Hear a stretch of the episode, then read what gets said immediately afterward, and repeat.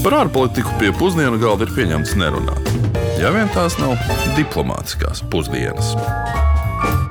Esiet sveicināti diplomātiskajās pusdienās, kurās kopā ar mani Uģi Lībiet no Latvijas radio ziņu dienestu un doktoru Kārlu Bukovsku no Latvijas ārpolitikas institūta. Mēs katru nedēļu dodamies, ja tā var teikt, divānu ceļojumā uz kādu no pasaules valstīm.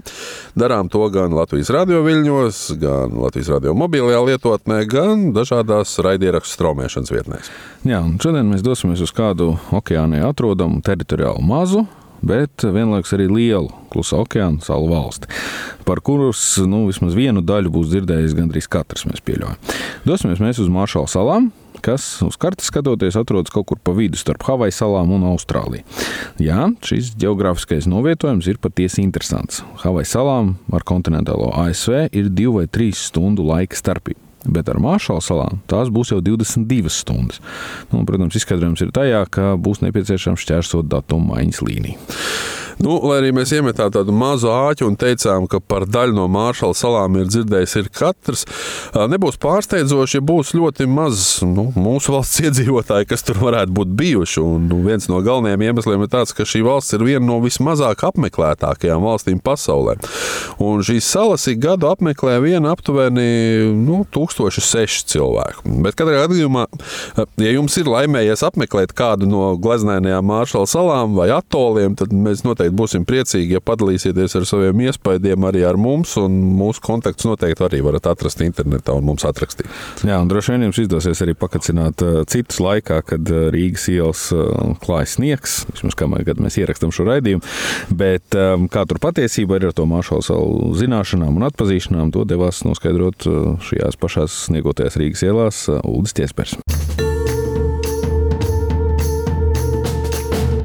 Varbūt ir dzirdētas Māršala salas. Ir dzirdētas pašām.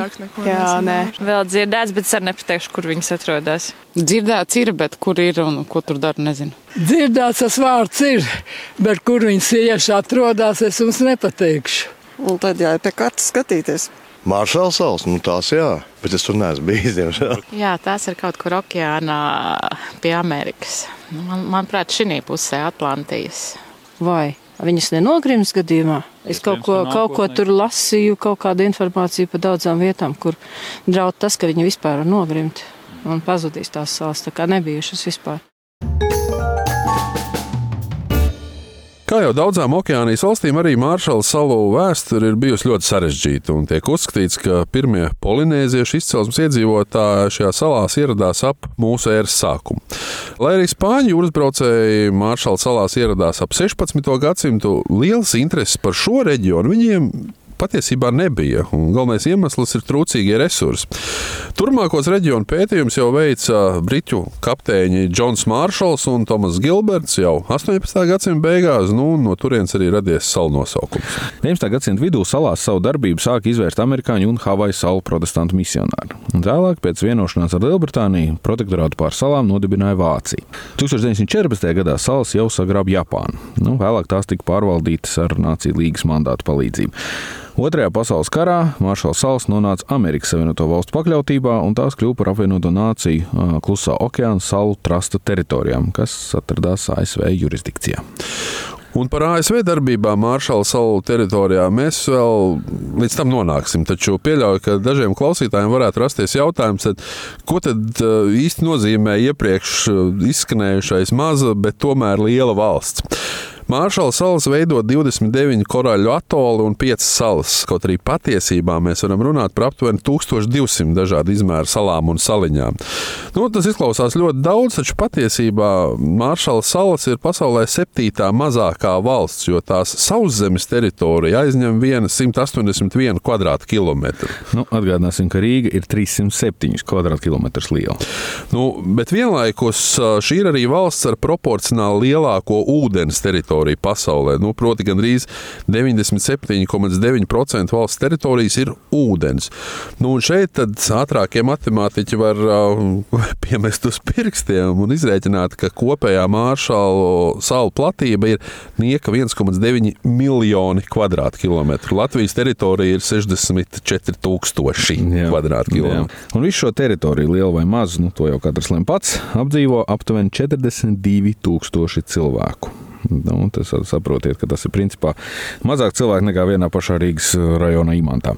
Taču tas ir tikai pagaidām, jo klimata aizstāvi gan norāda, ka jau ap 2030. gadu Maršala salas var kļūt neapdzīvojamas. Tas tāpēc, ka Maršala salu augstākais punkts ir apmēram 10 metri virs jūras līmeņa, bet šo salu tūmā nu jau gandrīz 30 gadus ūdens līmenis ceļš par apmēram 7 mm gadā. Un tas ir apmēram divreiz vairāk nekā vidēji citvieta pasaulē. Situāciju sarežģīja arī biežie paisuma radītie plūdi, kas no vienas puses gan aplūdina teritoriju, iznīcina stādījumus, gan arī pēc tam veicina sausuma periodus un piesārņo dzeramo ūdeni. Nu, starp citu, par piesārņotu ūdeni runājot, tā tiešām ir ļoti nopietna problēma. Un vien pirms nu, gadiem četriem Māršala salas sasniedza vienu no ANO ilgtermiņa attīstības mērķiem.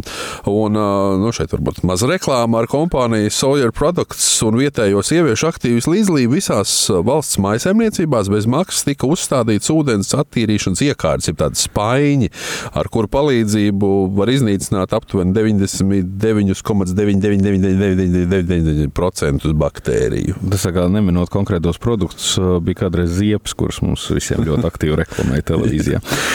Taču, ja mēs runājam par piesārņojumu, tad ir vēl kāds cilvēka radīts piesārņojums, kas ir atstājis neizdzēšamu ietekmi uz Māršala salām. Un te nu mēs nonākam pie Amerikas Savienotajām valstīm, un noteikti būsiet dzirdējuši par tādu bikīni atolu. Jā, šis atols arī atrodas Maršala salās, un laika posmā no 1946. līdz 1958. gadam ASV izmantoja gan šo, gan citus salām piedarošos atolus, lai veiktu kodola izmēģinājumus. Vietējie iedzīvotāji tika aicināti pamest savas dzīves vietas, jo šī izmēģinājuma Nu, citējot, esot visas cilvēces labā un palīdzēšot izvairīties no kariem nākotnē.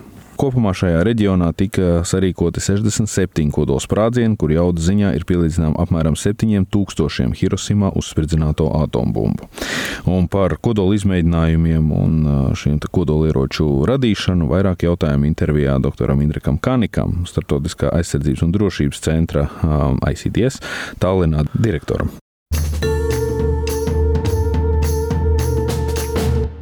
I think the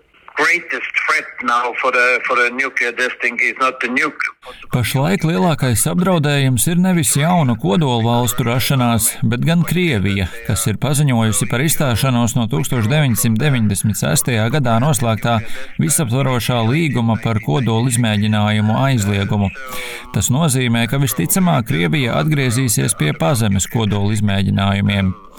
Protams, kodola izmēģinājumi ir turpinājušies arī līdz šim, un pēdējo gadu laikā vairākas valstis ir veikušas tā dēvētos subkritiskos, jeb augstos kodola izmēģinājumus.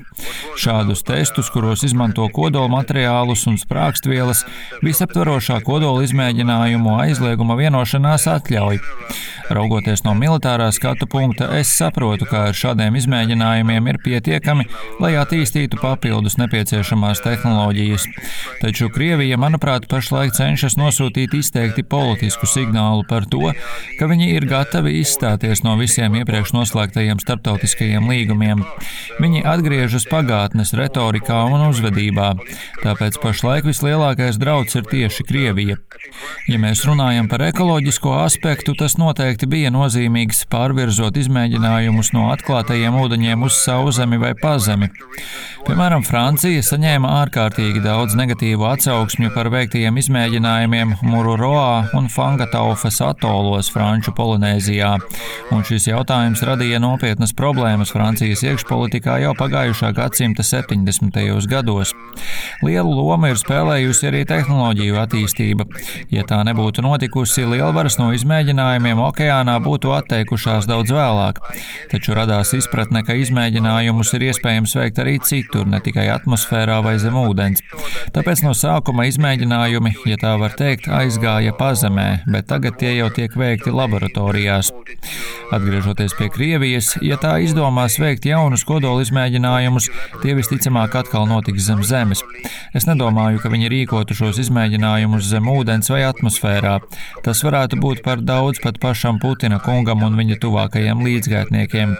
Tas tāpēc, ka mūsdienu pasaulē tā būtu patiesi traka ideja, un es nedomāju, ka kaut kur globālajos dienvidos šī iecerē gūtu dzirdīgas ausis. Turklāt, pat ja Krievija izlemtu izstāties no šī izmēģinājumu aizlieguma līguma, Krievijai šādi testi pat vispār nav nepieciešami. Viņiem vienkārši vajag nosūtīt savu politisko vēstījumu pārējai pasaulē. It's just a political and message to the rest of the world. Nu, jāsaka, ka kodola izmēģinājuma sekas salu iedzīvotāji jūt joprojām. Nesen veiktā pētījumā tika atklāts, ka vietām radiācijas līmenis joprojām ir gandrīz tikpat augsts kā avarējušās Černobiļas atomelektrostacijas tūmā. Vietējiem iedzīvotājiem joprojām ir novērojams ļoti augsts vēža saslimšanas līmenis. Sievietēm dzimst bērni ar nu, dažādām fiziskām kroplībām, un ir arī ļoti augsts spontāno abortu īpatsvars. Nu, lai arī kā kompensācija Amerikas Savienotās valsts ir devušas Maršala salas iedzīvotājiem tiesības dzīvot un strādāt ASV, nu, daudz tomēr uzskata, ka ASV nav darījuši pietiekami daudz, lai atmaksātu par pāridarījumiem. ASV valdība ir sniegusi zināmu kompensāciju un atbalstu cietušiem iedzīvotājiem, arī izmantojot brīvās asociācijas līgumu. Tomēr process ir kritizēts par to, ka tas pilnībā nerisina ilgtermiņa sekas, kas atstātas uz cilvēku veselību un vidi. Bet tagad laiks arī parunāt par Maršala salu ekonomiku. Jāsaka, ka Amerikas Savienotās valsts arī šeit joprojām spēlē milzīgu lomu. Nu, pirmkārt, Maršala salu oficiālā valūta ir ASV dolārs. Nu, Otrkārt, kopš neatkarības pasludināšanas 1986. gadā ar Savienotajām valstīm spēkā ir brīvās asociācijas vienošanās. Pēdējo 20 gadu laikā ASV tiešas palīdzības, subsīdiju un finansiālās palīdzības veidā ir piešķīrusi salām aptuveni 1 miljārdu dolāru. Un tie ir aptuveni 70% no valsts IKP šajā laika posmā. Mm. Un kopumā maršala ekonomika varētu sadalīt divās daļās. To, kas ir lielajās salās un pilsētās, un to, kas atrodas tuvākās un tālākās salās. Lielākais darba devējs ir Maršala salu valdība, kas nodarbina apmēram 63% no visiem darbspējīgajiem iedzīvotājiem. Otrs lielākais darba devējs, starp citu, ir salā bāzētais ASV armijas garnizons, jo Amerikas Savienotās valsts ir pilnībā atbildīgs par Māršala salu drošību un aizsardzību. Un, kā jau minējām, apskatot uh, vēsturiskos un geogrāfiskos faktus, zeme nav īpaši auglīga un arī lauksaimniecības sektors ir ļoti ierobežots. Taču tāpat tiek eksportēta kopra, banāni un citi augļi, kā arī saldētās zivis, tropiskās akvārijas jūtiņas, kā arī koraļi. Nu, dažādas salas ir uh, aktīvi strādājušas pie tā, lai piesaistītu arī ārvalstu tiešās investīcijas, īpaši rosinot ieguldīt zvejniecībā, akvakultūrā, dziļūdens naftas resursu ieguvē, turismā, arī atjaunojamā enerģijā. Nu, to gan visu apgrūtina fakts, ka ārvalstu pilsoņi nedrīkst iegādāties Māršala salās zemi, tāpēc uh, zeme jebkādai darbībai ir jānomā no vietējiem zemju īpašniekiem. Nu, visu vēl vairāk sarežģīja arī fakts, ka teritorija atrodas ļoti tālu. Turklāt uh, kā jau mēs minējām, klimats apdraud šīs teritorijas nākotni, un tas īpaši neveicina investoru interesi. Rezultātā Maršala salu IKP uz vienu iedzīvotāju pēc pirmspējas paritātes pēc Pasaules bankas datiem ir apmēram 6000 eiro. Latvijas rādītājs ir nu, apmēram 6,5 reizes lielāks. Lai cik būtu paēdis, vienmēr ir vieta arī desertam. Desertā noteikti jārunā par Māršala salu pašu lielāko, kaut arī ne tiešo ieguldījumu modes vēsturē, nu, proti, bikīnī peltkostīmiem. Nu, patiesībā jau šiem divdaļīgiem peltkostīmiem saistības ar mūsu šodien apskatāmo valsti ir nu, visai maz. Taču mēs tāpat izlēmām papētīt, kāda radās gan peltkostīms, gan tā nosaukums.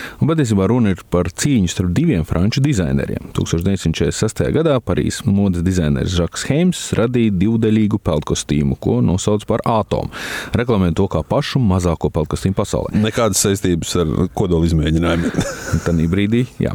Līdzīgi kā citi tā laika peltkastīm, arī šis atoms nosedz tā valkātājas nabu nu, un tāpēc īpaši popularitāti negūta. Dažus eh, mēnešus vēlāk Luija Reārds radīja savu mazāko peltkostīmu, un tā prezentācija notika vienu četras dienas pēc tam, kad ASV Bikini atolā bija veikuši pirmo publisko atomieroču izmēģinājumu. Un, starp citu, par vienu no iemesliem, kāpēc jau kopš 20. gadsimta 30. gadiem tiek domāts par divdaļīgiem peltkostīmiem, ir ļoti vienkārši. Nepieciešamība taupīt audumu. un pēckara gados šī nepieciešamība bija vēl izteiktāka. Un vēl kāda vēsts jaunākiem klausītājiem, kuri pēdējo 20 gadu laikā varētu būt skatījušies televizoru un multiplikācijas filmu Sūklis Bobs kvadrātbiksis, jeb SpongeBobs, kā angliski laikam viņi sauc. Vai nu esat pamanījuši vai nē, bet arī Sūkļa Boba un viņa draugu apdzīvotā pilsēta saucas Bikini Bottom, un pēc seriāla veidotā iecerētā šī zemūdens pilsēta arī atrodoties tieši zem Bikini atola. Kā Maršala salas ir ļoti iecienīts nirēju galamērķis, tad man rodas pamatots jautājums, ko viņi mums nav izstāstījuši. Nu jā, ar šo bērnišķīgi izklaidējošo faktu mēs arī noslēdzam mūsu šīs nedēļas diplomātsko pusdienu viesošanos Māršala salās. Nākamnedēļ dosimies uz šī gada noslēdzošo valsti, noslēdzošo raidījumu, uz daudz zināmāku Āzijas valsti, uz Indonēziju. Bet līdz tam uz tikšanos! Lai izdodas! Diplomātiskās pusdienas katru otrdienu pusdienos Latvijas Radio 1.